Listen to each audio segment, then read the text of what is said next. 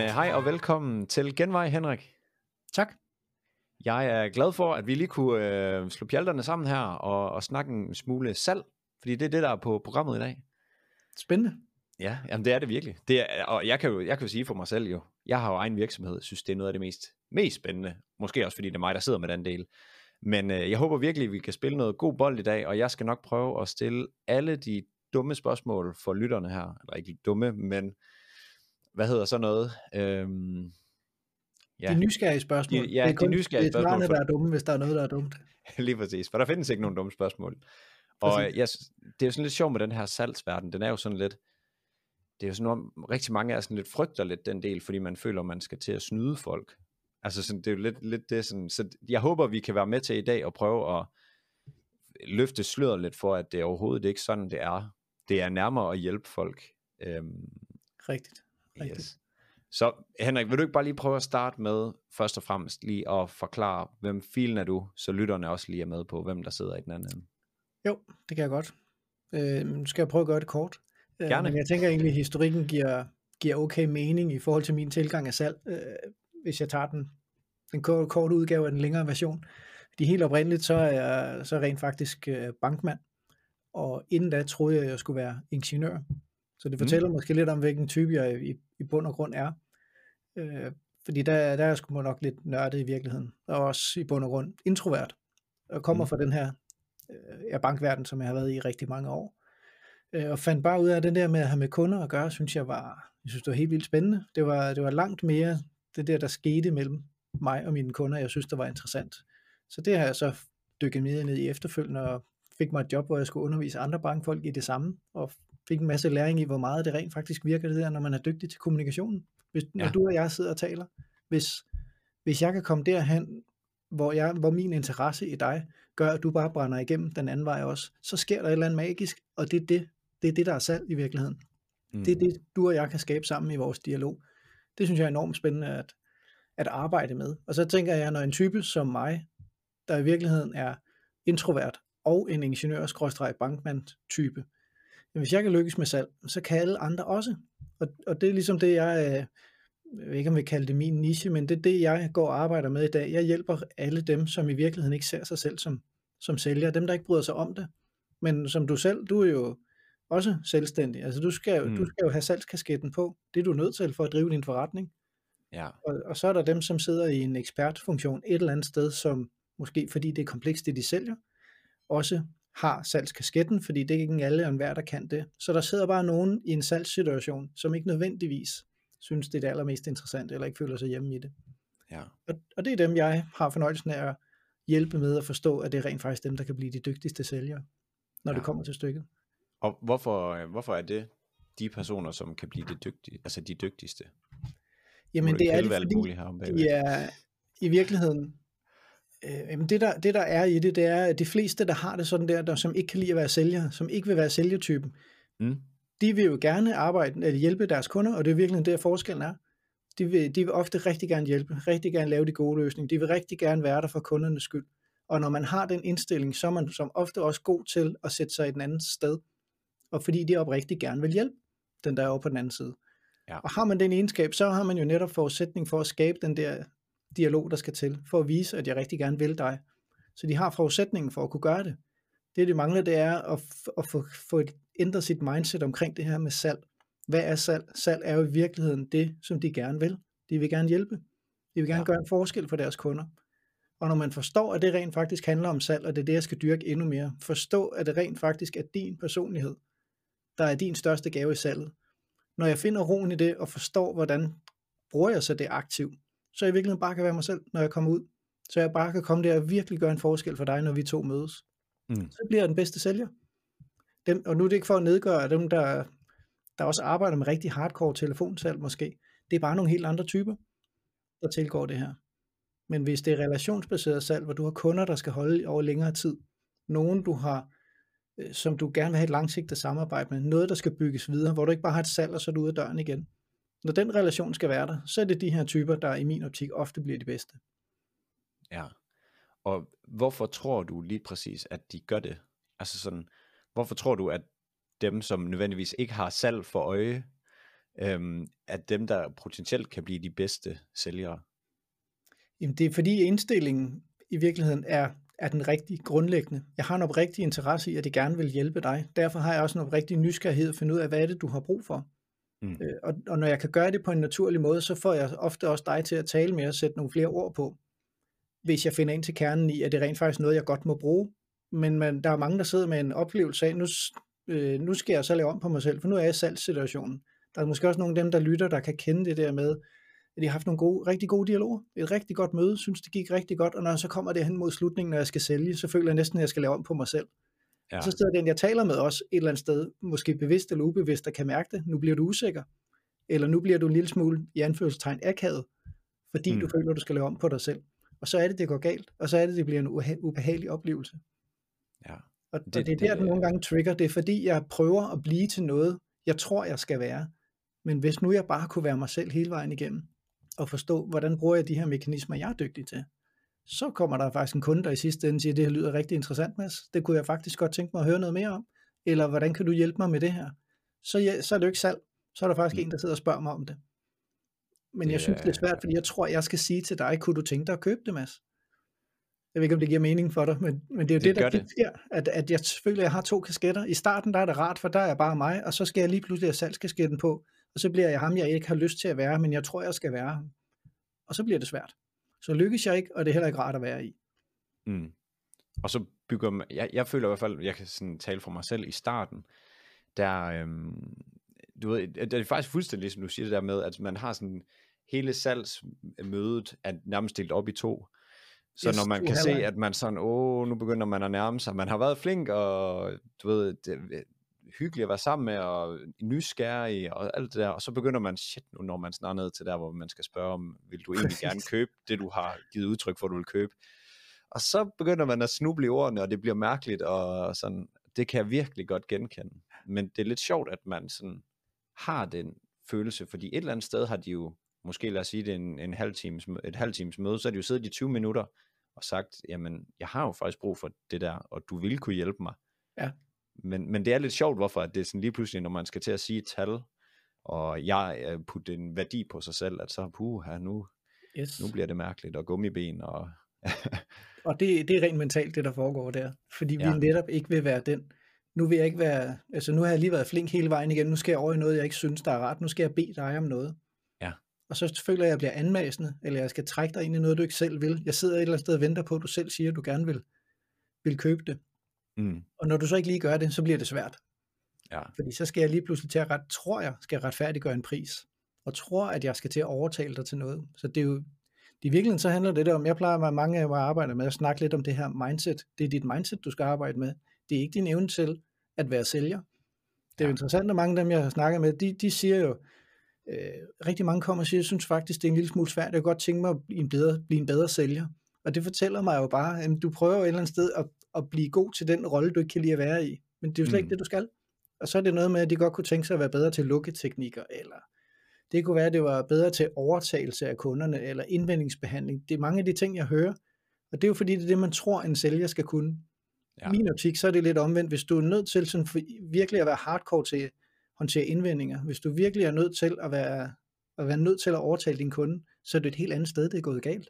Mm. Så er det jo fordi, der er et eller andet i dialogen inden, der ikke står skarpt nok. Der er et eller andet hos din kunde, der ikke står tydeligt nok med behovet. Og det kan vi jo hjælpe med ved den teknikken til, hvordan vi bygger samtalen op. Så var det ikke federe at blive dygtigere til at spørge ind til de rigtige ting.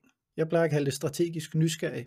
Hvad har du egentlig brug for at vide? Hvad skal jeg spørge dig om, Mads? Fordi jeg ved godt, hvad for nogle dilemmaer du måske kunne sidde med med det, jeg kunne sælge. Så hvad skal jeg spørge til, for at få dig til at sætte ord på det?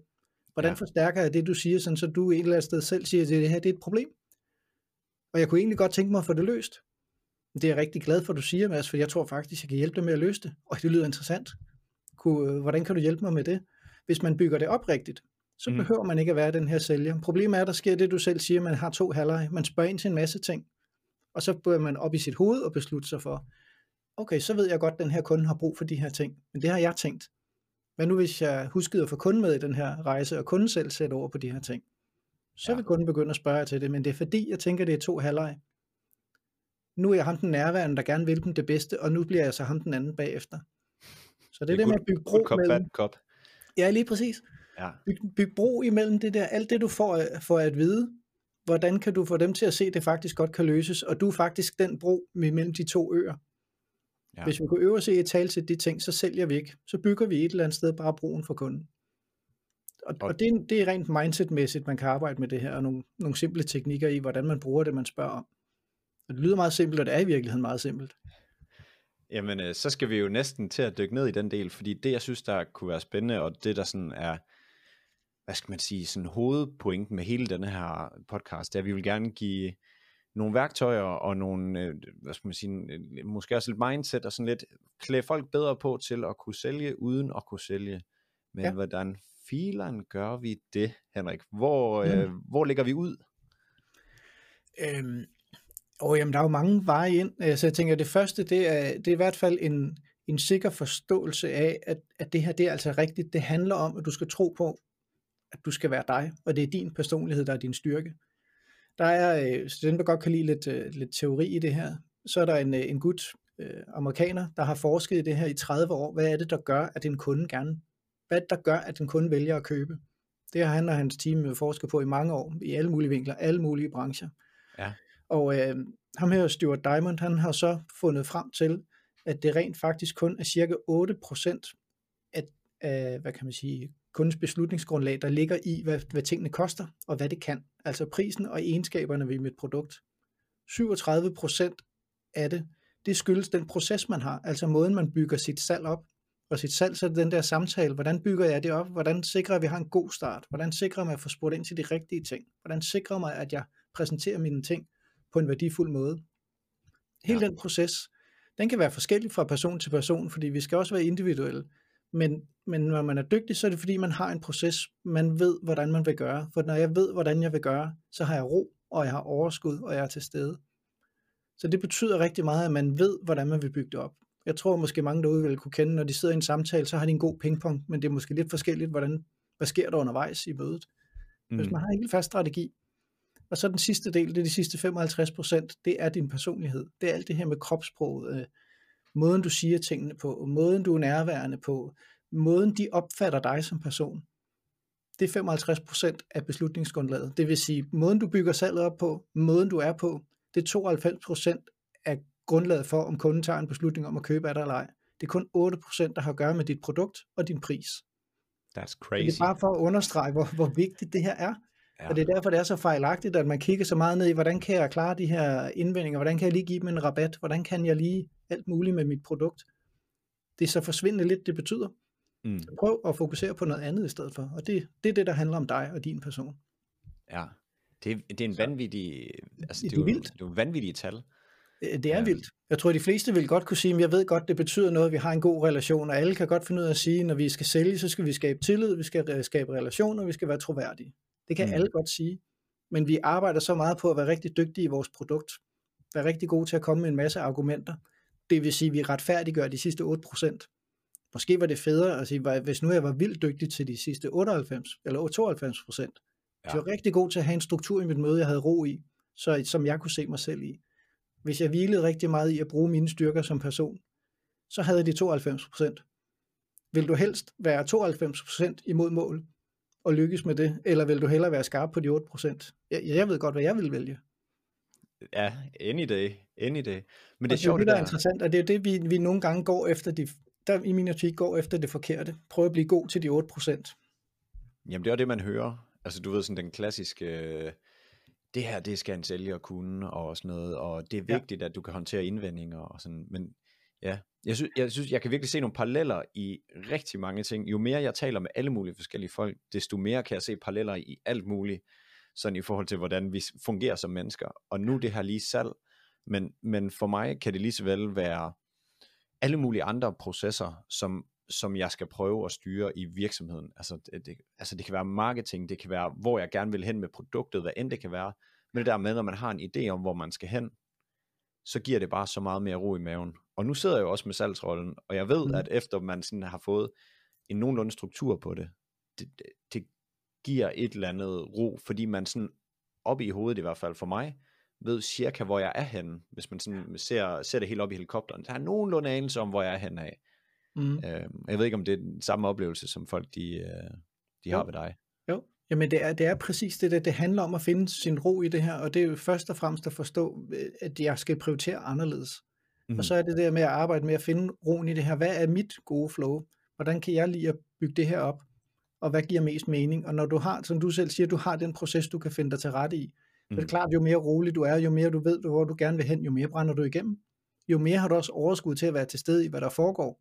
Men hvis jeg har super meget fokus på hele tiden at finde, åh, oh, oh, jeg nu ved siden af, eller hvad er det nu det næste, jeg skal gøre? Hvad bør det næste være, jeg spørger om? Og nu siger han det her, hvordan bringer jeg nu det her i spil? Så tænker jeg jo på næste step hele tiden, ja. og så er jeg ikke til stede her. Og, og det vil du kunne mærke, hvis du er som kunde hos mig. Jeg hele tiden er et andet sted. Jeg virker usikker, og jeg kender også det der med, hvis man taler med folk, der ikke rigtig lytter, føler man ikke, de gør. Det er jo fordi, hovedet er i virkeligheden et helt andet sted. Ja. Så når vi har roen, så er vi her. Så er vi her lige nu. Og det vinder vi på. Det er ligesom at lave podcast, det der. Det sværeste for alle dem, der starter med at lave podcast, det er, at de har, altså, når de har eksterne personer med, det er, at man har brug for at styre processen. Og hele tiden være et step længere ja. hen, men, men være nærværende. Det er, ja. Det, det er exakt det samme. Ja. Det er fuldstændig det samme. Og hvordan, øh, hvordan angriber man det så med at prøve ja. at finde sådan, nu siger jeg hæfter mig lidt ved, du siger, din måde at gøre, altså ikke, ikke din, som i Henriks måde, men sådan, man skal finde sin egen måde. Ja. Hvordan den her proces skal struktureres. Har du nogle sådan ting, vi sådan kan dykke nogenlunde ned i, så man kan sådan, lytterne også lige kan få en idé om, hvordan det kunne se ud? Øh, ja, det, det kunne man godt. Altså noget af det, der, eller det kunne vi godt, noget af det, der, øh, øh, altså sådan en helt lavpraktisk ting, som jeg oplever giver rigtig god værdi, det er at prøve at se tingene lidt, lidt bagvendt. Jeg kan prøve at give et eksempel. Det nogle gange, så virker eksemplet lidt, øh, lidt bedre, end, end jeg bare siger noget her. Ja. Jeg havde fornøjelsen for, det et par år tilbage, tror jeg, der, som stadigvæk står frisk i min erindring. Det er en, det er en salgschef, der, der kontakter mig. Øh, han øh, har et team af otte sælgere i, øh, i en bilforhandler, og så tænker jeg med det samme, det, det er nok ikke mig, der er et match her, fordi hvis der er nogen, der der sælger, så er det, det var min optik, så er det ja. bilsælgerne. De sælger så erhvervsbiler, det vil sige, det er varevogne, det er små lastbiler, det, og det er til hvad hedder det, håndværkere, alt sådan noget, hvor, øh, hvor de så kan specielt indrette. Det er ikke bare en varevogn, de kan indrette den sådan, så det passer til tømmermester Hansen. Eller kørende værksted. Hvad siger du? Sådan kørende ja, værksted. kørende værksted, lige præcis. Så de kan indrette den præcis sådan, så det er i virkeligheden det rigtige værksted for mig, ja. Mm. Øh, og det han siger til mig først, det er, at vi sælger helt vildt godt. Og så undrer mig igen over, at han tager fat i mig, fordi for så, det er faktisk solgt rigtig mange varebiler. Problemet er bare, at konkurrencen er vildt stor på, på det her marked med salg af varebiler. Det vil sige, at deres avance per salg er relativt lav, og der skal svares lønninger, og der er alt muligt, der skal betales, så de tjener i virkeligheden ikke så mange penge, men de er omsat for rigtig meget. Ja. Han ville gerne have dem til at sælge alt det, der ikke var varebilen, men deres produkt var varebilen. Men det, de også sælger, det er jo netop indretningen bagved, så tømmermester Hansen har det præcis, som en tømmer har brug for muren skal have indrettet anderledes, elektrikeren på en tredje måde. Mm. Så, så hvis de solgte indretning af lastrummet, så har de lige pludselig hele den opbygning af et specielt designet lastrum. Det tjener de penge på. Det ja. næste, de kunne tjene penge på, det er jo, når den her varebil, den skal ud og køre i en 2-3 år, før den måske skal skiftes eller mere, så skal den også serviceres undervejs. Der er penge i at få lavet service på sådan en. Så hvis de nu fik den med, så begyndte de at tjene endnu flere penge. Hvis de så også fik hjulpet den her kunde med finansiering eller en leasingaftale, flere penge. Så hvis de nu lavede sådan en 360 graders salg, hvor de solgte en varebil, der var specielt indrettet i lastrummet, som de havde hjulpet med finansiering eller leasing, af, som havde en serviceaftale på værkstedet, som de måske også solgte forsikringen til for forsikringsselskabet, så var der penge i det. Ja. Og det, og, det, og det er jo interessant at prøve at kigge på, hvad har jeg på hylden, som jeg gerne vil sælge, jeg måske kunne pakke min, min vare ind i. Det er perfekte salg for mig. Det jeg vil kalde 360 grader salg. Hvad indeholder det egentlig? Så kan jeg begynde derfra at spole baglæns. Det er en lang historie, men der har en pointe. Bare ja, ja, ja. ja. Øh, og det der så er pointen i det, er at snakke med dem om, hvad vil I gerne sælge i sidste ende? Og så begyndte vi at kigge på, hvis du skal hjælpe mig som tømmer med at indrette lastrummet, hvad skal du så have været nysgerrig på i den her dialog? for at mm. få mig til at se ideen i, det kunne da være rigtig interessant, hvis I også hjælper med indretningen. Hvad vil du ja. gerne have mig til at fortælle om? Det er noget med mine erfaringer med min tidligere varevogn. Passede den i indretningen til min butik? Hvad fungerede rigtig godt? Var der noget, jeg savnede i indretningen? Ren interesse. Vedkommende står og tænker, det var da fedt, du gider interessere dig for den. Jeg kommer faktisk for at købe en, en varebil, og du gider faktisk interessere dig for, hvordan det har virket før. Så, så hvis jeg ved, hvad jeg vil sælge, så kan jeg stille de her nysgerrige spørgsmål. Og det samme med finansieringen. Ikke spørge, kan jeg sælge dig en for, hvad hedder det, finansiering også? Det gider kunden ikke høre på. Men hvis jeg i dialogen havde været nysgerrig på, med, hvordan har du egentlig gjort tidligere? Hvordan mm. har det fungeret, den måde du har finansieret det på tidligere, har det fungeret godt for dig? Og hvad lykkes rigtig godt? Og så ved jeg, hvad der skal til, og hvad er jeg nysgerrig på, der skal mere af, eller hvad, hvad jeg måske ikke været så tilfreds med. Hvis jeg spørger om alt det, når jeg bare er interesseret i dig, når du skal købe en varevogn, så er det, at jeg kommer til salget, der sælger jeg ikke en varevogn. Der sælger jeg jo rent faktisk dig, at du har det der rullende værksted, som du aldrig skal bekymre dig om. Fordi hvis der er et eller andet galt menneske, du bare vide, at vores værksted står altid til rådighed. Finansiering behøver du heller ikke tænke på, for jeg kan høre, at de, de ting var vigtige. Jeg, jeg kan gøre det her for dig, og dit lastrum skal bum, bum, bum, bum, bum, bum. Kan du følge ja, mig i det, at jeg så lige pludselig begynder at talsætte alt det her?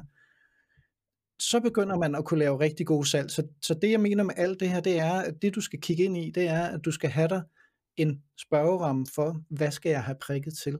Hvad skal jeg have været nysgerrig på undervejs? Sådan så jeg får alle de input, der gør, at vedkommende i sidste ende, og jeg kan virkelig gøre en stor forskel i sidste ende.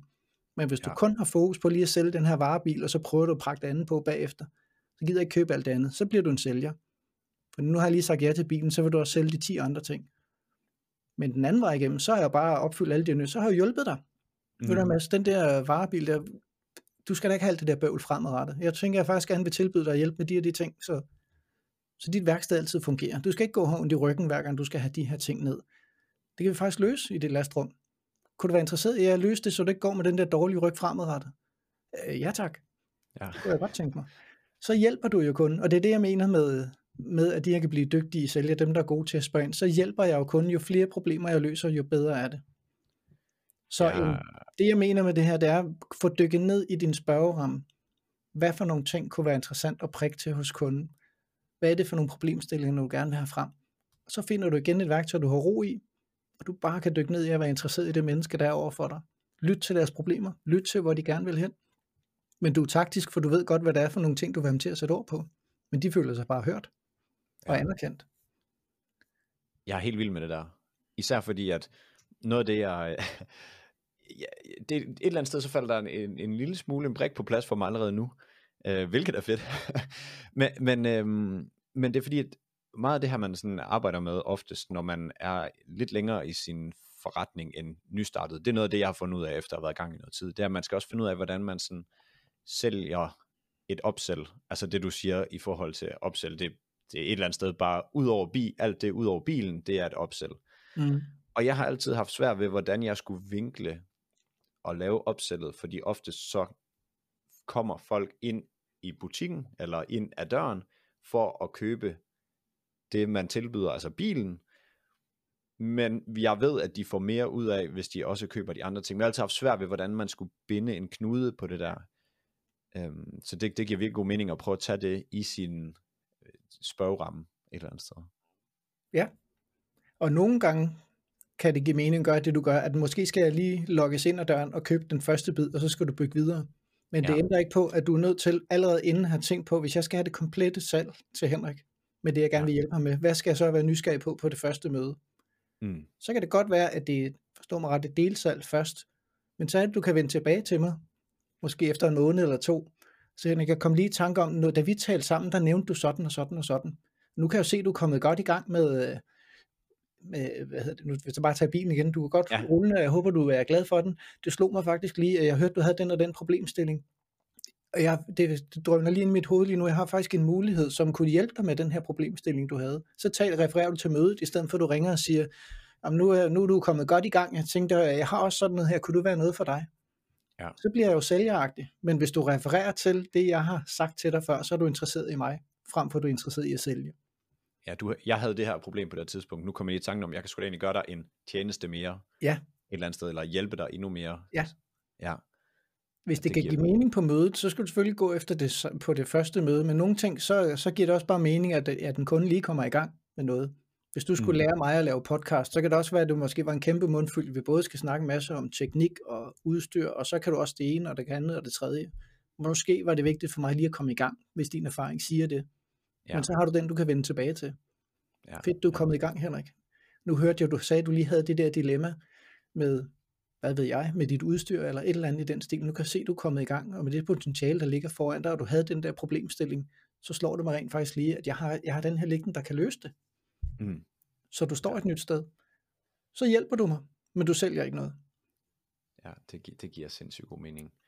Og så et eller andet sted, så tror jeg også, i hvert fald takeaway for mig, og det kan jo være, at det er det samme for nogle af dem, der sidder derude og lytter, men så er det, at man skal finde ud af at prøve at kortlægge sin proces af, hvad er den typiske måde, en kunde fordelagtigt vil kunne få noget ud af den her dims, eller hvad end man nu sælger, og hvornår mm. skal man så putte de her opsælges ind. Ja. Og måske teste sig frem også, eller hvad? Ja, øh, det er jo så den, en helt anden ting. Nu må jeg lige se til, hvis jeg tager en afstikker af det her, men noget af det, man også kan gøre, hvis man har sin, øh, hvis, hvis man ikke er helt for, forbundet med sit produkt, man har nogle kunder i forvejen, så skal man bare vide, at de kunder, man har, de vil rigtig, rigtig gerne hjælpe. Så ja. hvis nu man tog fat i dem, og siger, jeg har, nu har altså min kone Charlotte og vi lige startet nogle forløb op nu her, og så har vi jo en idé om, hvad der skal til. Men vi har da ringet ud til nogle af vores eksisterende kunder, mm. og så øh, sagt nu, at jeg har hjulpet jer inden for det sidste års tid, og vi har været vildt glade for samarbejde, og kan se, at det har haft en effekt. Kunne du ikke tænke dig lige at bruge fem minutter på at hjælpe mig, for jeg går egentlig med nogle tanker med en brainstorm på noget, jeg godt kunne tænke mig at tilbyde nogle andre, der minder om dig. Vil du hjælpe mig med det? Der er ikke ja. noget, de hellere vil når de ved, de kan hjælpe mig, så får man den der ærlige historie. Jeg er egentlig nysgerrig for, hvad, hvad oplevede du egentlig i starten af processen? Hvordan fik vi egentlig onboardet dig? Står du med nogle ting, der kunne se i bagspejl, der kunne være fede, du havde med? Kunne vi have gjort noget ekstra? Hvad satte du ekstra god værdi på? Hvad har især flyttet dig i processen, som står lysende klart for dig, som har været de største værdier? Mm. Hvad har vi måske ramt lidt ved siden af, som vi skal justere over for nogle andre? Altså hvis der er nogen, der har svarene, så er det jo de kunder, der allerede har købt. Fuldstændig. Og hvor blev vi øh, kloge på det forløb, vi troede, vi skulle, vi skulle sælge. Det skulle vi slet ikke. Det skulle være noget helt andet, men vi havde en idé om, hvad vi troede, det skulle til. Vi har jo ikke vidst, hvad der har foregået i deres hoved, hvad de måske har bokset med, som de selv har løst, eller som de troede, de skulle undvære. Og det fede ved det var jo rent faktisk, at vi fik lavet ret mange gode forretninger med dem, vi ringede til, fordi vi spottede lige pludselig nogle problemer. Og vi var ikke anmæsende, for vi spurgte bare, om de ville hjælpe os. Men de satte jo ord på deres mm. problemstillinger. Så ja. dem kunne vi lige pludselig lave, som du selv siger, opsalg til. Det er jo bare en jeg forstår mig, bare en følgeforretning, men vi bliver også helt vildt kloge på, hvordan får vi, vi plejer at kalde det guldæg, hvordan er det, vi får endnu stærkere guldæg her, som er så super værdifuld for nogle andre, for nu ved vi helt præcis, hvad problemstillingen er. Ja. Så det kunne også være et godt trick, når man er derude. Prøv nu at lade være med at være så forbandet klog på dit produkt selv. Hvad med, at du går ud og spørger de her kunder? Hvad har de oplevet? Og hele den der ting omkring, når du lykkes så godt med det her, hvad kunne have løftet det endnu højere? Hvad kunne have hjulpet dig endnu længere? Jeg ved godt, jeg ikke havde det på hylden, men hvis du nu skulle lægge noget til, hvad kunne så skabe den her mere værdi hos dig? Så kan man jo bagefter sige, tusind tak, kære kunde, du har faktisk lige været med til at produktudvikle mit nye produkt. Ja. Øh, altså det, det er meningen, at du inddrager dem. Det, de, det er dem, der sidder med dilemmaerne for pokker. Lad os nu bruge ja. dem. Kæmpe, kæmpe takeaway det der. Det håber jeg virkelig folk, de også lige noterer. Fordi det er også, en klassisk ting, som, øh, og ja, nu kan jeg drage paralleller igen, men det er jo et eller andet sted, det er jo bare kommunikation, og det du laver også kommunikation. Det er udelukkende men, kommunikation i virkeligheden. Øh, præcis, men det er også det her med, der, hed, der er den her sådan kendte, det hedder, jeg ved ikke, en regel, eller det hedder curse of knowledge, det er, at man er længere, altså sådan forbandelsen i ens øh, viden, altså man er længere fremme, eller man har glemt, hvor man var engang, fordi man er længere fremme nu, og nu har man måske lidt svært ved at forholde sig til, hvad var det egentlig, jeg præcis havde brug for. Og så, så laver man en produkt, en podcast, en et eller andet, som øh, ikke passer præcis til det, de har brug for. Og der kan det virkelig, altså det er også noget, jeg vil anbefale folk, altså sådan hop tilbage og spørg, hvad, hvad har du brug for? Ja, for så. Og hvis der er noget, de gerne vil, så er det at hjælpe. Præcis. Det det. Og så, så om ikke andet, så får du i hvert fald det ud af det, at de føler sig hørt, de føler sig vigtige. Hvis du ringede til mig som din kunde, så jeg kunne rigtig godt bruge din din hjælp, Henrik. Du kan virkelig gøre mig klogere. Ja. Og så tror du, min tillid og min, øh, min lyst til at ville arbejde videre med dig, den vokser? Ja, det tror jeg i hvert fald. Mm. Så man får så mange effekter af det her. Og hvis man også står med den, den, altså den virker lige så meget med den nye idé, det kræver, at man lige tør at ringe ud. Men hvis du står med den nye idé om, kan vide om, kan vide, om der er en efterspørgsel efter podcast inden for medicinalindustrien, bare for at nævne et ja. eller andet. Ja. Hmm, jeg kan tænke, de har sgu nok et eller andet, der er svært at formidle, et eller andet, de kunne bruge. I stedet for at bruge, bruge en masse tid på at lave det, og så spørge, om det ikke synes, det giver mening. Så ringer vi ud til dem. Og siger, mm. igen, det er det samme igen. Jeg ved godt, vi ikke kender hinanden, men jeg står med de her de tanker, øh, og jeg vil blive rigtig glad, hvis du ville ofre fem minutter på at sætte nogle ord på, for du er ekspert inde på det her felt. Jeg kunne rigtig godt tænke mig at vide, om det her har gang på jord. Hvis mm. der er nogen, der hører, de er ekspert inden for et eller andet område, eller de ikke bidrager med noget, så vil de gerne hjælpe. Og ja. så er det samme tanke igen. Hvad tænker du om det her? Det, der så er det sjove ved det, hvis man skal tænke salg ind, nu er det jo det, det handler om også. Når du, hvis du så ringer ud til mig, og sidder i en eller anden medicinal funktion på sygehus, hvad ved jeg, så, så svarer jeg på de her ting, så kunne du jo bruge den bagefter med alt det, du siger, så tænker jeg faktisk, at min brainstorm holder vand, at jeg egentlig skal prøve at arbejde i den her retning, men med dine guldkorn tænker jeg, at jeg skal gøre sådan og sådan sådan oveni. Hvordan lyder det for dig, hvis, hvis, hvis jeg nu udvikler det her, og jeg giver dig muligheden for, at du får lov til at være med på det her på en rigtig lav introduktionspris, så kunne du give mig noget ekstra hjælp. Kunne det så være interessant for dig? Så køber du faktisk, at de finansierer din udvikling. Men ja. hvis de så siger, ah, det, jeg tænker, det kunne være relevant, men, øh, men jeg tror ikke lige, det, det er nu, det passer ind, jeg vil købe det. Så er det en vink med en vognstang om, så er de søde at sige til at det lyder som en god idé, men de siger samtidig også, det har ikke helt den værdi. Ja. Så du får ligesom trykprøvet, om det virker, men hvis du også opdager, der noget, der virker, så har du faktisk allerede de, de første forretninger på den måde. Men man skal turde gå ud og spørge sit marked. Det er i virkeligheden det, der, der er pointen, i stedet for at vi tror, vi ved bedst, som du selv siger, på grund af vores erfaring og al vores viden. Ja, ja og, det, og det er, altså, jeg har selv prøvet det flere gange, også når jeg skulle udvikles produkter og sådan, det der med at skulle gå ud og finde de første, det, det kan bare et eller andet, at man, øh, man får fat på nogen, leger den her øh, nysgerrige, eller ikke leger, men det er man, den her nysgerrige person, der er nødt til at finde ud af, har det gang på jord? Hvordan filen skal jeg strukturere det? Må jeg spørge dig om de her ting? Og så efterfølgende. Fordi de har også et eller andet sted været med til, altså de føler lidt ejerskab over processen, som jeg fornemmer det. At sådan, jamen du kan gøre det her, og du gør det her, og hvis man så vender retur og siger, det her jeg har jeg faktisk gjort, eller som du siger allerede nu, det havde jeg tænkt. Altså så, det, ja, det giver sindssygt god mening. Men man jeg gør det for lidt. Det, når det du gør, så gør det allerede i samtalen. At sige, sådan, mm. som du, så er du ligesom beskrevet lige nu, hvad det perfekte vil være for dig, sådan som jeg har forstået det. Så vil jeg jo sige ja, for det synes jeg, det er. Ja. Og så spørg mig om, øh, hvis jeg nu tilbyder dig til den her ekstraordinære lave introduktionsbil, så du også med i processen kan give mig feedback på dem, men vi ved allerede nu, det er det, du skal bruge. Hvad tænker ja. du så om at være med på den? Altså, så får de jo noget til, så føler de, de får det foræret, fordi har lige beskrevet det perfekte. Mm. Men vi skal ture det. Ja. Og det er måske det, der nogle gange holder os lidt tilbage. Helt sikkert. Apropos hjælpe, folk vil sgu gerne hjælpe hinanden, hvis vi spørger om hjælp, i stedet for at vi tror, at jeg er eksperten, så hvis jeg går ud og spørger, så tænker kunderne nok, og han ved ikke nok om sit felt. Det er bare ikke det, der sker. Altså hvis vi er ydmyge, og hvis vi er menneskelige, og hvis vi gerne suge noget, nogle input, så føler de jo faktisk, at vi står til rådighed, at vi faktisk tager det her seriøst. Og ja. det skal vi lige huske, og det er det, vi nogle gange er bange for. Fordi vi vil gerne være eksperter. Og eksperter, de stiller ikke spørgsmål til andre. Øh, jo, de gør. Der er en grund til, at de bliver eksperter. Ja, det er ligesom et forhold, det der med det vigtige at, ja. øh, at, at, at lytte. Altså, øh, og det er jo, øh, ja, at føle, føle sig hørt. Ja. Øhm, men udover at øh, vi ligesom har fundet ud af, hvad er det her 360 grader salg, og hvad, hvad, hvad der giver mest mening for os. Altså, er der mere, vi skal sådan øh, forholde os til i selve samtalen, hvor du tænker, det er, det er noget, vi skal dykke ned i? Ja, jeg blev lidt ramt af det, du sagde, det med at tænke det i to halvleje, for det har du så så meget ret i, at vi har den der, hvor vi synes, det er rart i starten, når vi spørger ind, og så kommer vi til den, der ikke altid er så rar. Og nogle ja. gange kan det godt være, at vi også selv, selvom vi kan se os selv i sælgerrollen, og egentlig synes, den anden halvleg også er rar, så oplever jeg, at der stadigvæk er udfordring i, at vi tænker det som to halvleje. Ja. Øh, at vi spørger, og når vi så spurgt om noget, så pitcher vi, hvis vi skal have det der sælgeudtryk, eller så præsenterer vi vores løsning til sidst. Men det er fordi, vi op i vores hoved med den faglighed, de kompetencer, vi har, så har vi hørt, jeg har hørt dig sige en masse ting, Mads, så gør jeg med nogle tanker, okay, det her skal han også høre, det skal jeg lige huske, det skal jeg også fortælle ham. Og så går jeg fra, at jeg har lyttet, til jeg fortæller dig en masse ting. Det vil sige, ja. inden i mit hoved har jeg jo lavet den der, jeg kalder at bygge bro, mellem det du sagde og min løsning. Men jeg glemmer i talsætten, så jeg præsenterer bare en løsning. Det lyder måske mm. lidt åndssvagt, at mange vil sige, nej, det er ikke det, der sker. Tro mig, det er det, der sker. Ja. Så det vi skal være gode til i en proces, det, det, er, det er sådan en firetrins ting, jeg plejer, dem jeg hjælper med at være bevidst om. Igen, det, det handler om processen, det handler om strukturen. Så når du har styr på din spørgeramme, altså når du er nysgerrig, hvad vil du have spurgt ind til? Så det næste du skal, det er, at du skal have den rigtige overgang til, når du begynder at præsentere det, du har på hylden. Der er sådan fire steps, vi skal igennem. Mm. Et, det handler om, at det vi har hørt, skal vi lige have kunden til at erkende, at de også har mærket, eller de også har oplevet. Så det handler om lige at genskabe behovet. Altså, godt med. Så det, det vi lige har talt om, det var, at du nævnte, at du havde den og den udfordring. Du stod med det her det dilemma. Du vil gerne flytte det hen med din forretning. Jeg lyttede mig til, at du gerne vil være her om 12 måneder, hvis du kunne forløse de her ting. Er det rigtigt forstået, Mads? Ja. så har jeg lige ridset op for dig, for dit hoved til at se, ja, der er dilemma 1, 2, 3, 4, det er rigtigt. Så du føler dig både hørt, men nu står der også frisk i din erindring. Hvad har min essens været af alt det, du har sagt? Hvad har jeg trukket ud af det? Mm. Det er tydeligt for mig, der er fire dilemmaer. Okay, men det er du ret i, Henrik.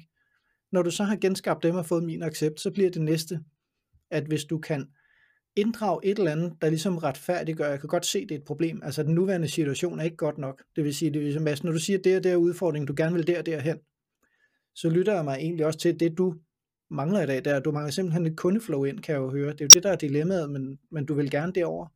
Så sådan som det er lige nu, så får du ikke tilført kunder, og det lytter mig også til. Det kommer du så heller ikke til i morgen, hvis processen er, som den er. Hvis jeg kan understrege, det der er galt i dag, det ændrer sig ikke i morgen.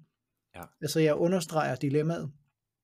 Kan du følge det? Altså genskabe behovet, Ja. og jeg så siger, det her, det er ikke godt i dag, og det er derfor, du ikke har rykket dig. Eller det er simpelthen fordi, du ikke, du ikke har den rigtige måde at tiltrække kunder, det er derfor, du ikke har ændret problemet. Så du har det problem, og det vil du i virkeligheden også have i morgen, hvis ikke løser den her. Sp- Spørger du dem, øh, får du dem til at bekræfte det der? Altså sige, er det forkert, er det forkert hørt? Altså, er det forkert hørt, at hvis du gør det, som du plejer, så ser det højst sandsynligt ikke anderledes ud i morgen eller om en måned. Er det korrekt? Ja.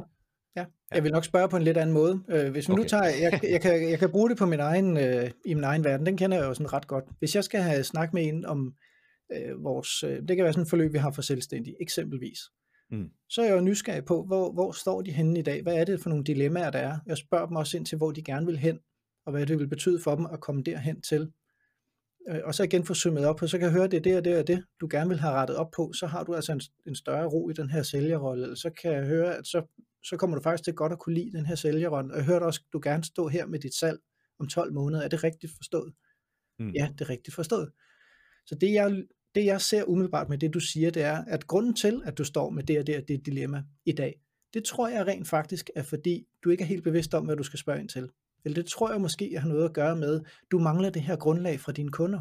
Altså, jeg ved jo godt, hvad problemet er, men i stedet for, at jeg siger, hvad problemet er, så vil jeg, t- jeg tænker, der er de her ting. Kan du kende det her hos dig? Mm. Så vil du typisk sige, ja, det er sgu nok det, svaret er, Henrik. Ja, det tænker jeg egentlig også. Så det vil det jo også være i morgen. Med mindre jeg tænker, at vi kunne gøre sådan her. Og så er det første, jeg kommer med løsningen. Ja. Det vil sige, at jeg har genskabt tingene, og at jeg får lige sammen med dig på kraftet, hvor, hvorfor er det, det er galt? Og hvad er det for en ting, du skal have justeret? Når jeg forstår, hvad løsningen er, altså hvad, der- hvad der skal justeres, så er det faktisk først der, jeg skal præsentere min løsning. Så er det, jeg kan sige, med de her dilemmaer, hvis vi skal ændre dem, og når vi ved, at det her det er problemstillingen i dag, du mangler simpelthen den her forudsætning, så er min anbefaling, at du gør sådan her. Og det skal du, fordi det dilemma, og det dilemma, og det dilemma, det forsvinder ved, at du gør det på den her måde. Og det, du mangler i dag, det får du ind på den her måde. Så hvis du begynder på at køre den her vej, det har jeg faktisk løst, der er et forløb, der er fuldstændig match til det her. Det, øh, det vil faktisk løse de her ting, men jeg spejler det til, hvad det er, du siger, i stedet for at jeg sælger et forløb. Ja, det, det giver sindssygt god mening. Så et eller andet sted, så skal man have folk med altså til også selv at købe ind på, at anerkende det, og måske også skulle det her, altså skal det have, øh, øh skal have det løst. altså, Ja. ja. at, øh, at man sådan siger, ja, det, altså som modtager af den øh, potentielle kunde hos dig, så vil jeg sige, ja, jamen det, jeg kan godt se, at det skulle være, at jeg lige sejler lidt rundt i, øh, i processerne. Sådan, Jeg ved ikke helt, hvornår, og så på et tidspunkt, så får jeg brug for lige at sige, "N- her er en pris. Det, det kan jeg godt kende, øhm, så det kan godt være, at det vil give mig lidt mere ro, hvis jeg kunne have overblikket. Jeg lover dig det, ven. For hvis du tænker i at få genskabt, jeg, Henrik, jeg hørte dig sige, dunk, dunk, dunk, dunk, dunk, det er der, du fremhæver mm. min problemstilling, eller hvor jeg gerne vil hen. Ja. Jeg kan også høre, at det, altså det, jeg tænker, det er årsagen, det er, at du mangler den her, for at få det her løst. Er det forstået rigtigt? Ja, det er forstået rigtigt. Så kunne jeg, hvis jeg den virkelig skal mærke, at den skal forstærkes, så kan jeg også godt finde på at spørge dem, hvis nu du fik ændret på det her, hvad vil det så betyde for dig? Ja. Og det, er- det er det, man vil inden for den her salgsverden vil kalde for future pace dem, altså få dem ud i fremtiden. Hvordan er det at stå der, når du har over, altså når du er på den anden side? Det vil sige, det her det er ikke særlig rart, jeg vil gerne have løst det her, hvordan er det at være på den anden side?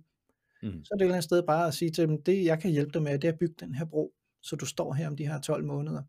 Det vil jeg egentlig rigtig gerne hjælpe dig med. Ja. Så skaber man noget stikker så vil jeg gerne købe det. Men det er dem selv, der har sagt, det her er noget skidt. Det er dem selv, der siger, jeg vil gerne stå her. Mm. Og det, var, det kan godt være, det lyder meget banalt. Øh, Og der er, nogen, der er også mange, der er sådan nogenlunde gode til det her, men vi mangler lige med at få genskabt, du sagde sådan og sådan og sådan. Ja. Jeg kan høre det her der øh, dilemma. Det er faktisk her, der er noget, der ikke er løst hos dig.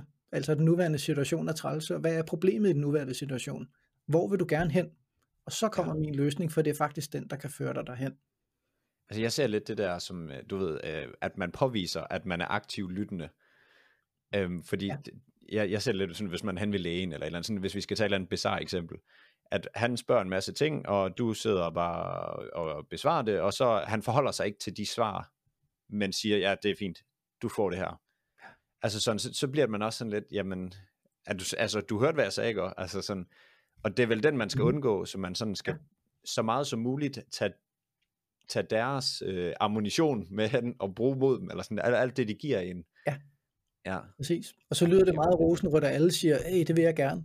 Men hvis man er mm. dygtig til det, så vil man faktisk rigtig ofte opleve, at der er en, der selv spørger, kan du hjælpe mig med det her? Allerede når jeg har genskabt det her i talsat, hvad problemerne var, og jeg kan se, at jeg spotter faktisk, jeg tror det er lige præcis her, dilemmaet ligger hos dig. Ja. Og hvis man så tør at tige stille her, så vil der nogle gange sige, ja, det er jo faktisk ret i. Hvad gør jeg ved det? Eller kan du hjælpe mig med det? Det vil man faktisk opleve, at der er flere, der spørger til, hvis jeg har været dygtig til den del. Og så er det et eller andet sted bare at hjælpe. Ja. Øh, men, men det er ikke ens betydning med, at det bare altid foregår sådan. Hvis vi nu skal være realistiske, så kommer der også indvendinger. Det gør mm. der, fordi der, man skal også betale nogle penge. Og der er jo nogle gange, så er der også noget, der kræver en, en indsats, fordi der skal et stykke arbejde til, eller der er nogle ting, der skal ændres i virksomheden. Så dem kan vi ikke, det, altså vi, nogle gange jo kan vi godt undvære dem, eller undgå dem, men vi skal også være realistiske, de kommer. Ja. Men hvis vi nu har gjort det her, når den der indvending så kommer, at det, og det er godt nok mange penge, den har man, der er der sikkert nogen, der har hørt, eller det lyder lidt dyrt, eller jeg har ikke pengene lige nu. Der er ofte noget med noget pris. Tænk over det. Ja, eller det, jeg skal lige hjem og tænke over det, eller jeg skal ja. lige spørge en marker. Øh, og så er det, vi falder i og tænker, nå, jeg havde ellers lige troet, den var der. Vi ja. må bare erkende, de kommer. Det er sådan en mekanisme hos os mennesker. Men hvis jeg har været dygtig til det der, det? hvad siger du? Er det ikke fordi, man er bange for at tage en beslutning? Ja, både og. Uh, der er mange ting, vi, nu har vi ikke så lang tid, men der er noget andet, vi Ej. kan dykke ned i. Det kommer lidt an på, når jeg spotter persontypen, jeg har med at gøre. Nogen har det sådan, men det kan vi okay. faktisk høre i måden, de taler på. Nogen har det ikke.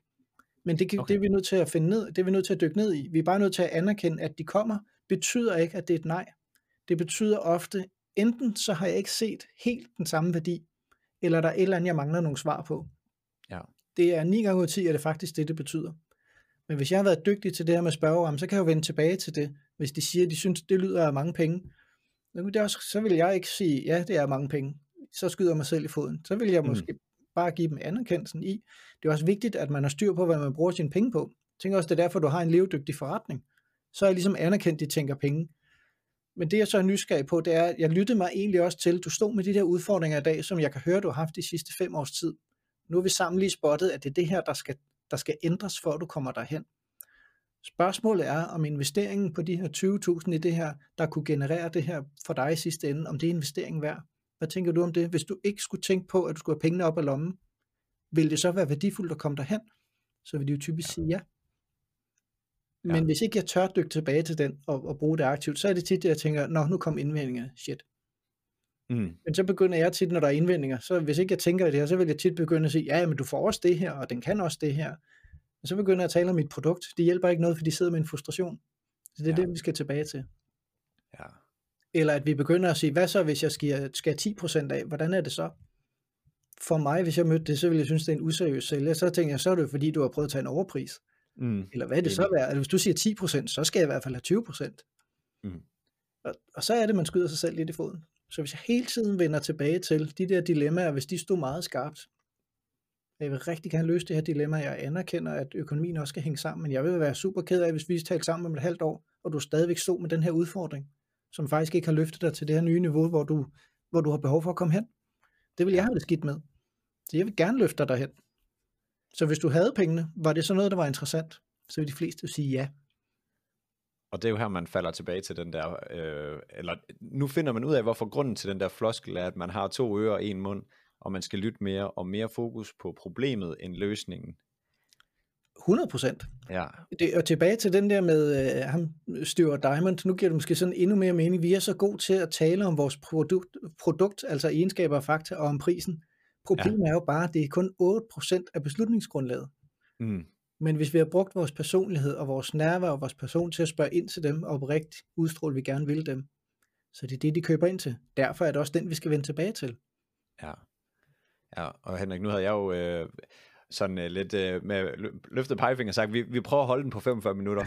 Nu tager jeg lige en kollektiv beslutning. Det gør vi ikke. Vi, vi, vi tager en time. Altså okay. lige, ikke en time mere, men et kvarter mere. Fordi, ja, det er fair nok. Ja, sorry, hvis ja. jeg siger meget. Det er jo lige det her, jeg brænder for, så du må Jamen, det, det er sindssygt spændende, og det er, jo, det, er jo, det er jo det, der er problemet, for nu har jeg bliver jo skide nysgerrig. Øhm, og så, nu nævnte du lige det her med forskellige persontyper. Mm. Det synes jeg kunne være ret... Altså er det noget, der kan give mening, vi tager nu i forhold til det her? Nu er du øh, eksperten. Jamen det synes jeg bestemt. Øh, I hvert fald for det, jeg ønsker på det her, det er også måske at tage brøden af noget af det her. Jeg kunne godt tænke mig, at dem, der sidder og lytter med, går herfra og tænker, at det her det handler ikke om, at jeg skal ud og være sælger. Det her det handler ja. om, at jeg skal være så meget mig selv, og finde roen i det, og finde ud af, hvad mine styrker og mine udfordringer er, og så være i det. Fordi mm. der, der giver det netop mening også at tale om det her med persontyper, vil jeg mene. Ja. Fordi man, øh, jeg kan sige, hvad er vi? Vi er knap 8 milliarder mennesker på jorden, og vi er jo alle sammen forskellige, siger alle. Det vil sige, så skal jeg være på 8 milliarder forskellige måder. Øh, det kan vi ikke. Men der er mm. igen tilbage til teori og alle sådan noget. Folk, der forsker i det her med persontyper, hvis, øh, næsten alle kender en eller anden form for persontypeværktøj, når de har været til en jobsamtale eller et eller andet. Ja.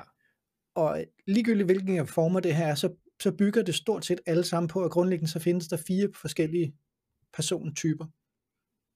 Hvis vi har styr på dem, så kan vi lige pludselig begynde at kommunikere med alle.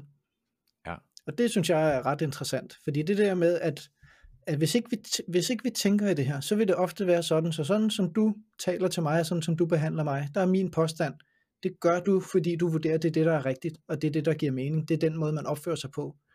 Så matcher du en, der minder fuldstændig om dig selv, fordi de vil synes det samme. Hvis jeg så var en, en nu er du en sød og rar øh, fyr at snakke med, men hvis, hvad nu hvis jeg var ham der, der bare havde brug for, nu skal vi ligesom videre, lad os nu komme videre til næste, hvad er din pointe, Mads? Hvis jeg ja. tænkte sådan, var lidt mere hardcore som person, ja. så kan det da godt være, at du synes, du er sød og rar og gør det bedste, men vedkommende vil sidde og tænke noget andet, de har brug for noget andet. Ja. Så hvis du skal behandle mig rigtigt, så kan man sige, at du skal behandle alle forskellige for at betale, behandle dem ens. Men hvis du forstår de her fire, så kan du justere dig hver gang. Og hvis ikke du ved det, så vil din omgang, fremgangsmåde ofte være den samme, uanset hvem du taler med, fordi det er det, du vurderer, du gør rigtigt. Giver ja. det mening at sige det? Det giver sindssygt god mening, og hvis ja. jeg bare lige skal tage et, kort, et kort eksempel, så er det sådan, hvis man er holistisk, altså sådan en øh, klassisk holistisk, holistisk tænkende, man kender, eller har, det har man måske i netværket, jeg har i hvert fald, nogen, der sådan er rigtig meget op på velvære og slow pace, og øhm, du ved, retreats, hvor man kommer ned i tempo, og så forestiller jeg mig helt modsat en, øh, en sådan mere blå type, nu ved jeg ikke om hvilke farver de har, men det er lige i mit hoved, at, det, er de blå, ja, sådan ja. mere øh, direktører skal fart på. Jeg har ikke, øh, jeg har, kvarter, jeg har kvarter måske, endnu bedre har jeg 10 minutter. Hvad kan du hjælpe mig med? Altså, og der kan jeg virkelig godt se forskel i, sådan, hvem, altså den ene skal, fø- det skal føles rigtigt, den anden skal det, det ved jeg ikke, det ved du. Men...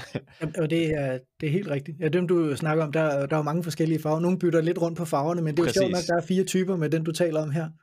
Ja. Og, og det, er det, der, det er det, der er interessant i det, fordi de er jo forskellige med, hvordan de tilgår de her ting. Og det, det er lige præcis det. Hvis jeg er hurtig til at spotte det, det, mm. det, jeg synes, det her det er, det, det er noget af det mest interessante. Det er så bare lang tid at dykke ned i.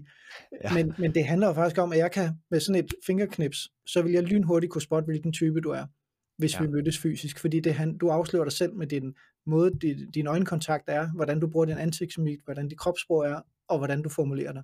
Der afslører ja. du dig selv. Og hvis jeg bliver skarp på, hvad er det for en persontype, der taler lige nu, så ved jeg også, hvordan jeg skal kommunikere. Og det gør igen giver det mig noget ro. Og hvis der kommer ham her, der siger, hvad er det, Mads, hvad er det for nogle fire ting, vi skal nå her? Vi har den her halve time til rådighed. Hvad står jeg med i sidste ende?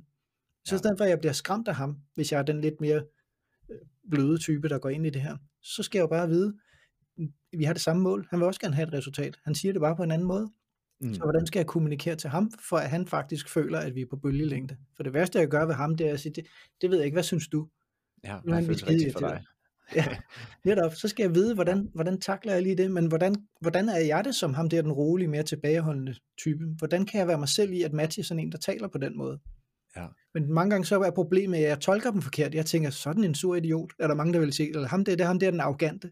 Ja. Det sjove er bare, at der er sgu ikke nogen mennesker i verden, der gider at tale med nogen andre, bare for at være arrogante.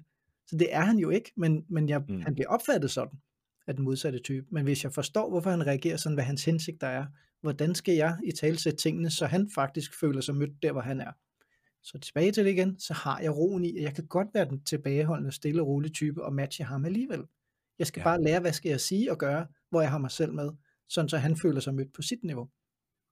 Ja, og det, det er jo det der med, at man skal, Ja, og er det ikke det der med, at man skal, jeg ved ikke, om det hedder mirroring, eller sådan noget, men man skal sådan spejle lidt i, man skal forsøge at blive, blive, være den type, som de føler, altså lidt som dem, fordi så føler de sig komfortable.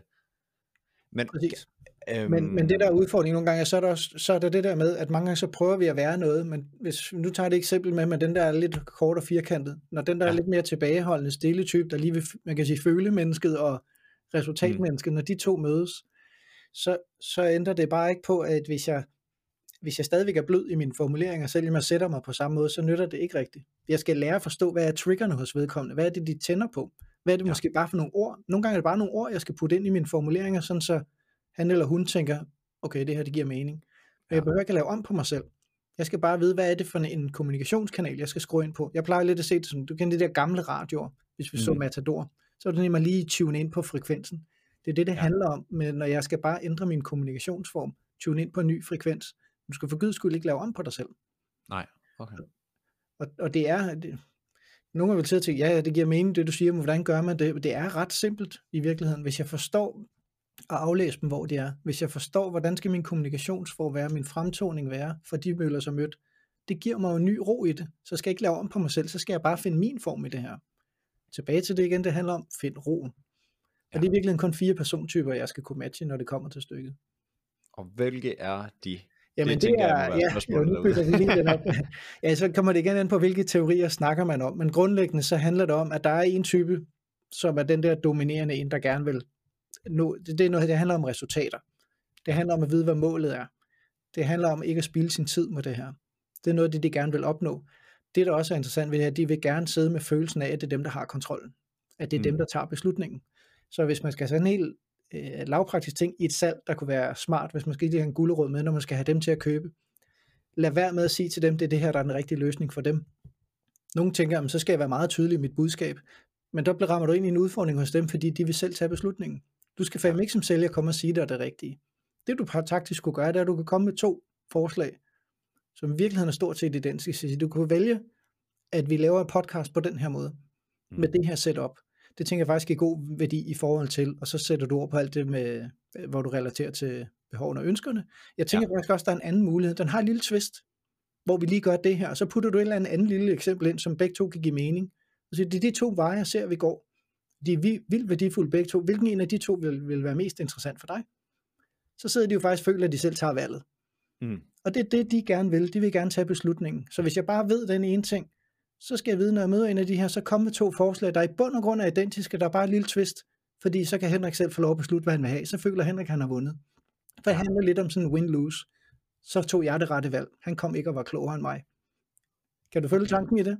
Fuldstændig. Ja, det giver mega god mening. Så hvis jeg forstår, hvor de er hen, så kan jeg også begynde at bruge det taktisk i mit salg. Hvis vi så tager den, den næste, som er den type, jeg vil sige, den, den influerende, sådan en skal sådan en, der, du er sådan en, der er bare øh, energi og glade dage, der skal, der må ske et eller andet, de behøver ikke nødvendigvis at bestemme tingene, der skal bare ske noget.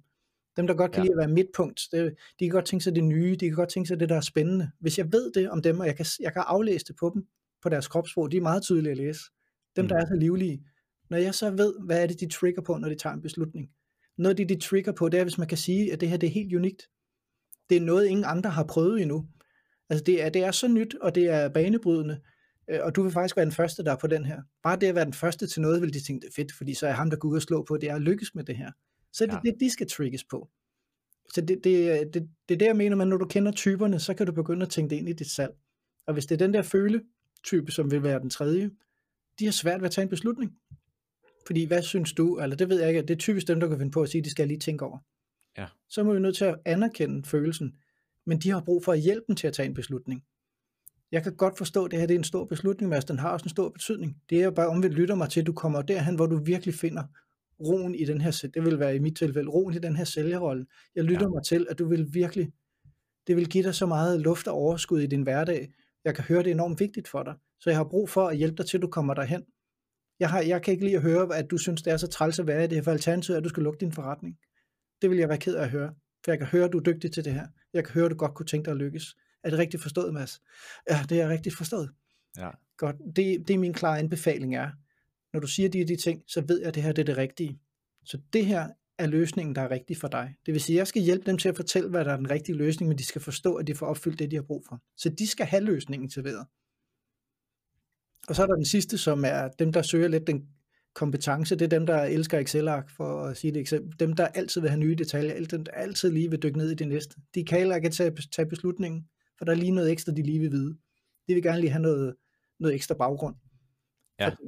Og når jeg ved, det er sådan, så kan jeg også bruge det aktivt allerede i samtalen, ved at det, når jeg har spottet dem, jeg kan være nysgerrig på, hvad tænker du omkring det her? Ser du nogle huller i det her, som vi skal have justeret? Så får de lov at bruge deres ekspertviden. Det vil sige, at jeg tilfredsstiller deres behov for at være eksperter og kunne prikke til et eller andet. Så anerkender jeg det undervejs, så fedt de kommer med de her løsninger og tanker om det. Og når jeg så kommer til salget, så skal jeg jo bare vide, at jeg skal have min belæg for kring tingene.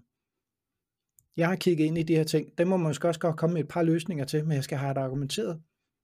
Den her løsning, skal jeg bare vide, den, den er gennemtestet igennem de sidste 10 år. Der er lavet de her de analyser, der er påvist sådan og sådan.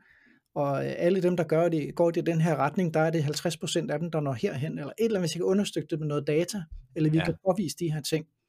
Og det, der også ligger i det, der kommer de her analyser med, altså kan man bruge analyser eller retfærdiggjorte ting ved, ved et eller andet, der er dokumenteret, så er det det, vi skal slå på med dem. Ja, og når jeg har det, den viden det, om de her fire typer, så er, det, så er det et spørgsmål om, hvordan leverer jeg mit budskab, når jeg ved, hvem jeg taler til. Hvis ikke jeg ved det, så vil jeg typisk have øvet mig i, hvordan er min måde ligesom at præsentere min løsning. Men så rammer jeg jo kun en, og det er den, der minder om mig. Jeg vil tro, der er nogle af dem derude, der sidder og lytter, som ikke har tænkt i at levere deres budskab forskelligt, alt afhængig af hvilken type de sidder overfor. Men de har sikkert øvet sig en masse i, hvordan klarer jeg indvendinger, hvordan gør jeg det ene og det andet. Men det gør du kun godt, hvis du møder en, der lige præcis passer til den måde, du gør det på. Giver det mening? Det giver sindssygt god mening. Altså det, og jeg ved ikke, jeg håber virkelig også, at det giver mening ude på den anden side, men nu har jeg jo dykket ind i en masse af det her, men jeg, jeg, jeg hørte en gang, øh, og jeg ved ikke, om det måske hjælper lidt, men jeg hørte en gang, at man kunne bruge lidt ligesom øh, Olsenbanden, mm. som de klassiske karakterer. Den første, det er Egon. Nummer to, det tror jeg, det var øh, Benny. Ja, lige præcis. Ja, og øh, den sidste var Kjeld. Kjeld er ja, øh, følefyren. Er det følefyren? Jeg vil, godt til, jamen det kan nogle gange, så kan billederne give mening. Ja, ja præcis. Ja, det, der er, hvis vi tager uh, Kjeld, Egon, Benny og Yvonne, det er de fire, jeg tænker, man kunne bruge for Olsenbanden. Det er ikke for sjov, at de her karakterer, karakterer er tænkt ind. Og hvis vi Nej. kigger på alt muligt andet, når man har nogle ser tv, så er det jo fordi, det er de der modsætninger, der skaber dynamikkerne. Hvis alle fire var en, så blev den kedelig. Ja. Og det, hvad hedder det? Der er nogen, der tror, at, at øh, hvad hedder han, Egon, at det er ham, der er den bestemmende, der gerne vil styre det.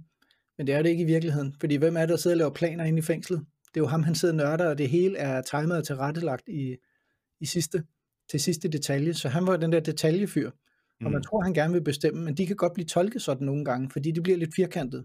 Han er så fokuseret på, at han gerne vil nå sit resultat, og så lytter han ikke rigtigt til de andre, og så tror vi, at han er dominerende. Men i virkeligheden så handler det om, at han er så fokuseret på løsningen.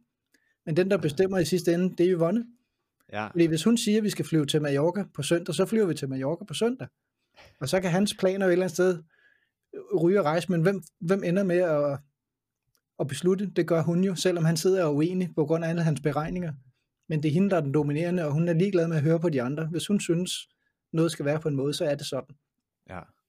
Og hvis du bare ser på, hvordan de går, det, er jo, ja, det kan vi jo snakke længere om, du skal også have lidt på din tid, men hvis du bare ser de der tre aller set Olsenbanden, når de går på en række, hvis du ser ja. på Benny i midten, det er ikke for sjov, at han laver det lille rejehop i gang imellem, hvad vi kalde det. Det er jo netop ja. for at understrege, at han er den der livlige fyr, der bare ikke kan holde sig i ro overhovedet. Det er jo super ja. karikeret, men det er jo det, der gør det sjovt. Og Kjeld, når der er et eller andet, der lige pludselig går galt, han går jo helt i selvsving og sidder og putter med sin taske og bliver, sidder næsten og ryster. Og, uh, det er jo den der følelse, når tingene ikke går, som de vil, så bliver man usikker. Mm. Eller når han sidder, bare sådan som de siger det, når de sidder hjemme på værelset, det er godt, du er tilbage, ikke? og nu alt som i gamle dage. det er så tydeligt, den er super karikeret, den her, ja. men det er også derfor, den er så, så god for mange. Og Matador, tænk mig alle sammen igennem, du kan se de der karikerede, karikerede typer alle steder. Og det er, ja. det er ikke et tilfælde, det er sådan.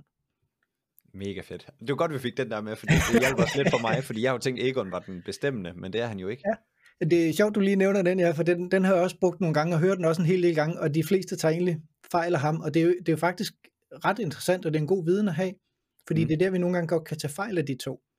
Men det er ikke fordi sådan en persontype som Egan, der nørder detaljen, vil bestemme. Det er fordi, man bliver udfordret på, man synes, man har ret. Ja. Og man har, altså, jeg har styr på de her ting, så bliver jeg påståelig. Men det er mere fordi, jeg beskytter mig i, at det her altså er undersøgt. Hvis vi spejler til en virksomhed, så er det dem, der har siddet og lavet analyserne. Det er måske ja. dem, der har styr på økonomien, kigge regnskaber. Det er ikke fordi, vi vil bestemme, de vil bare sige, at data viser noget andet, og så bliver de påståelige. Så der er forskel på at være påståelig, og at være den, der gerne vil dominere. Mm. Ja. Men de bliver nogle gange misforstået. Øh. Mega spændende. Jeg ville ønske, at vi kunne blive ved.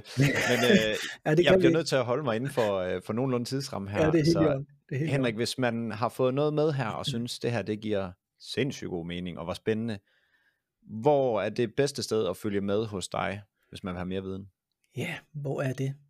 Fang mig på LinkedIn, først og fremmest. Det kunne man jo godt gøre. Det gjorde jeg. Det, det er, ja, det var, der, der fangede vi to hinanden jo. Ja.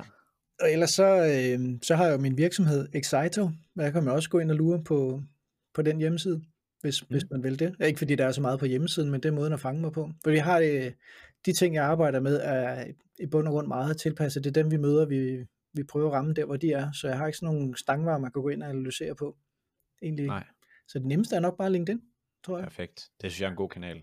Ja. Og øh, jeg vil også lige sige, hvis man, øh, hvis man godt kan lide at hvad skal man sige, fylde i, i hjernekassen er en ting, men en anden ting er også, at man godt kunne tænke sig at være måske go-to-person i sin niche. Det er noget af det, jeg arbejder med. Så hvis man godt gad og, øhm, hvad skal man sige, inspireres på den del, så hop endelig ind på LinkedIn og fang mig. Så, øhm, så kan jeg forhåbentlig give lidt frem, og jeg prøver at lære en masse derude, eller en masse viden, give en masse viden ud til, til folk, der følger med. Så øhm, Henrik, jeg håber og tror virkelig på, at det her det har været en brandvarm episode at, at lytte med på. Det føler jeg i hvert fald. Så jeg vil bare sige kæmpe... Det var sjovt at være med. Det var godt. Det, jeg synes, det var klart. Altså, ja, hvis vi en dag fik en kop kaffe, ja, det ville blive en lang kop kaffe, det kan jeg godt love dig. ja, det er det. Jamen, så må vi drikke to. Ja, men, øh, men jeg vil bare sige kæmpe mange tak for at, at være med. Det, ja, tak. det er vi glade for. Det var en fornøjelse at være med. Fedt. Og øh, så vil jeg bare sige tak til lytterne for at lytte med. Det er jeg glad for. Og øh, vi ses i næste episode og på LinkedIn. Kan du have det godt så længe. Vi ses.